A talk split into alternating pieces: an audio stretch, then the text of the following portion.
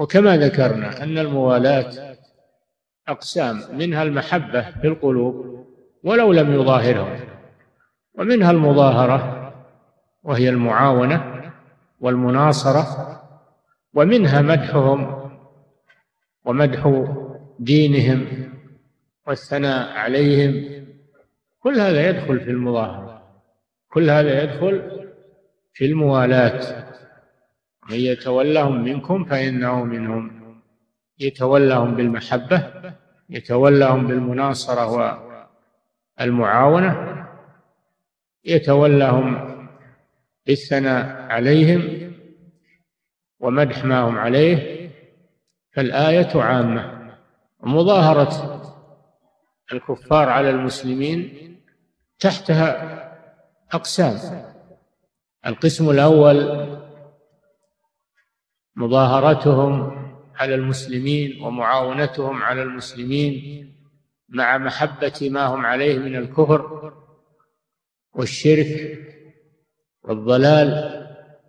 فهذا القسم لا شك أنه كفر أكبر مخرج من الملة. فمن ظاهرهم وأعانهم ساعدهم على المسلمين مع محبة دينهم وما هم عليه والرضا عنه وهو مختار غير مكره فإنه يكون كفرا أكبر يخرج من الملة على ظاهر قوله تعالى فإنه منهم. القسم الثاني أن يعاونهم على المسلمين مكرها لا مختارا يكرهونه على ذلك. فهذا عليه وعيد شديد ويخشى عليه يخشى عليه من الكفر المخرج من الملة.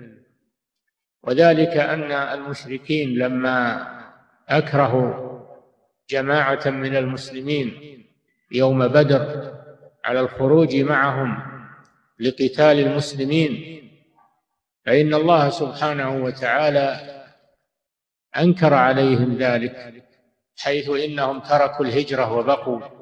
بقوا مع المشركين وعرضوا أنفسهم إلى ما وقعوا فيه من إكراههم على الخروج مع أنهم يبغضون دين الكفار يبغضون دين الكفار ويحبون دين المسلمين ولكن بقوا في مكة شحا بأموالهم وبلدهم وأولادهم لا عن محبة للكفار أو محبة لدينهم. فأنزل الله جل وعلا إن الذين توفاهم الملائكة ظالمي أنفسهم. قالوا فيم كنتم؟ يعني مع أي فريق كنتم؟ الاستنكار. قالوا فيم كنتم؟ يعني لماذا كنتم مع المشركين وأنتم مسلمون؟ قالوا كنا مستضعفين في الأرض. ما لنا حيلة. هم الذين أجبرونا وأكرهونا على ذلك. قالوا ألم تكن أرض الله واسعة فتهاجروا فيها؟ لماذا تصبرون على البقاء مع الكفار وأنتم مسلمون؟ وعرضتم أنفسكم لما وقعتم فيه؟ من هذا المشهد المخيف قالوا كنا مستضعفين في الأرض قالوا ألم تكن أرض الله واسعة فتهاجروا فيها؟ فأولئك مأواهم جهنم وساءت مصيرا. لوعيد شديد لهم. إلا المستضعفين من الرجال والنساء والولدان لا يستطيعون حيلة ولا يهتدون سبيلا. فأولئك عسى الله أن يعفو عنهم وكان الله عفوا غفورا. فالذي ترك الهجرة وهو يستطيع ولم يهاجر وبقي يسكن مع المشركين وأشد من ذلك أنهم أخرجوه معهم لقتال المسلمين. هذا عليه وعيد شديد. أما الذي ترك الهجرة لأنه لم يتمكن مستوى إلا إلا المستضعفين من الرجال والنساء والولدان. رجال الكبار والمرضى والنساء والولدان الصغار فهؤلاء معذورون في بقائهم معذورون في بقائهم لأنهم لا يستطيعون الهجرة. الله جل وعلا يقول لا يكلف الله نفسا إلا وسعها. فهذه حالة أو قسم آخر. القسم الثالث من يقيم أو من من يعين المشركين على الكفار وهو غير مكره مختار. يعين الكفار على المسلمين وهو مختار غير مكره لكن مع بغض دينهم بغض دين الكفار وعدم الرضا عنه. فهذا لا شك أنه فاعل لكبيرة من كبائر الذنوب ويخشى عليه من الكفر. يخشى عليه من الكفر.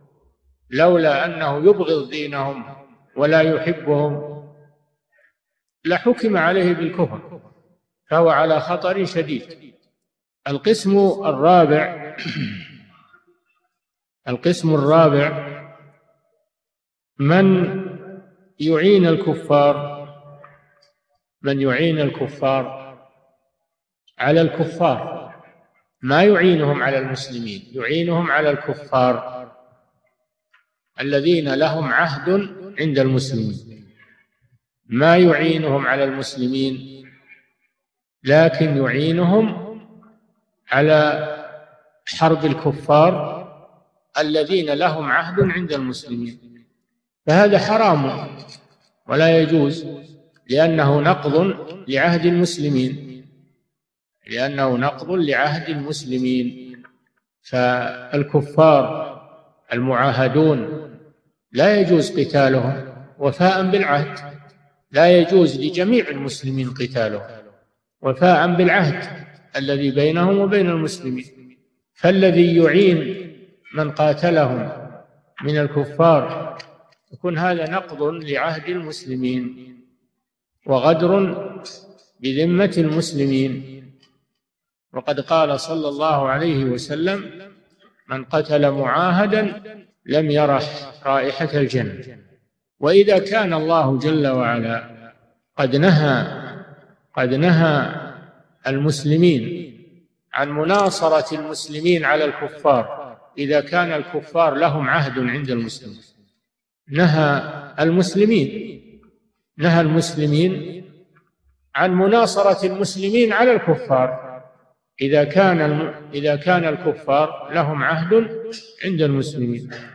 فكيف بمن ظاهر الكفار على نقض عهد المسلمين؟ قال الله جل وعلا وإن استنصروكم في الدين فعليكم النصر إلا على قوم بينكم وبينهم ميثاق.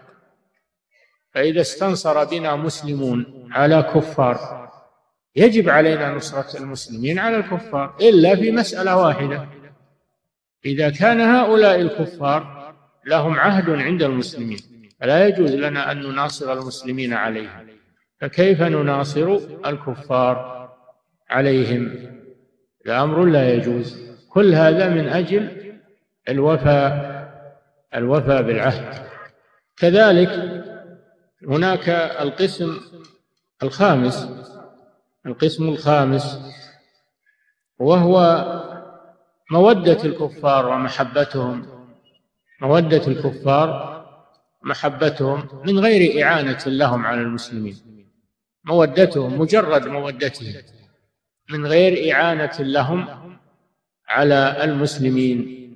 هذا نهى الله عنه.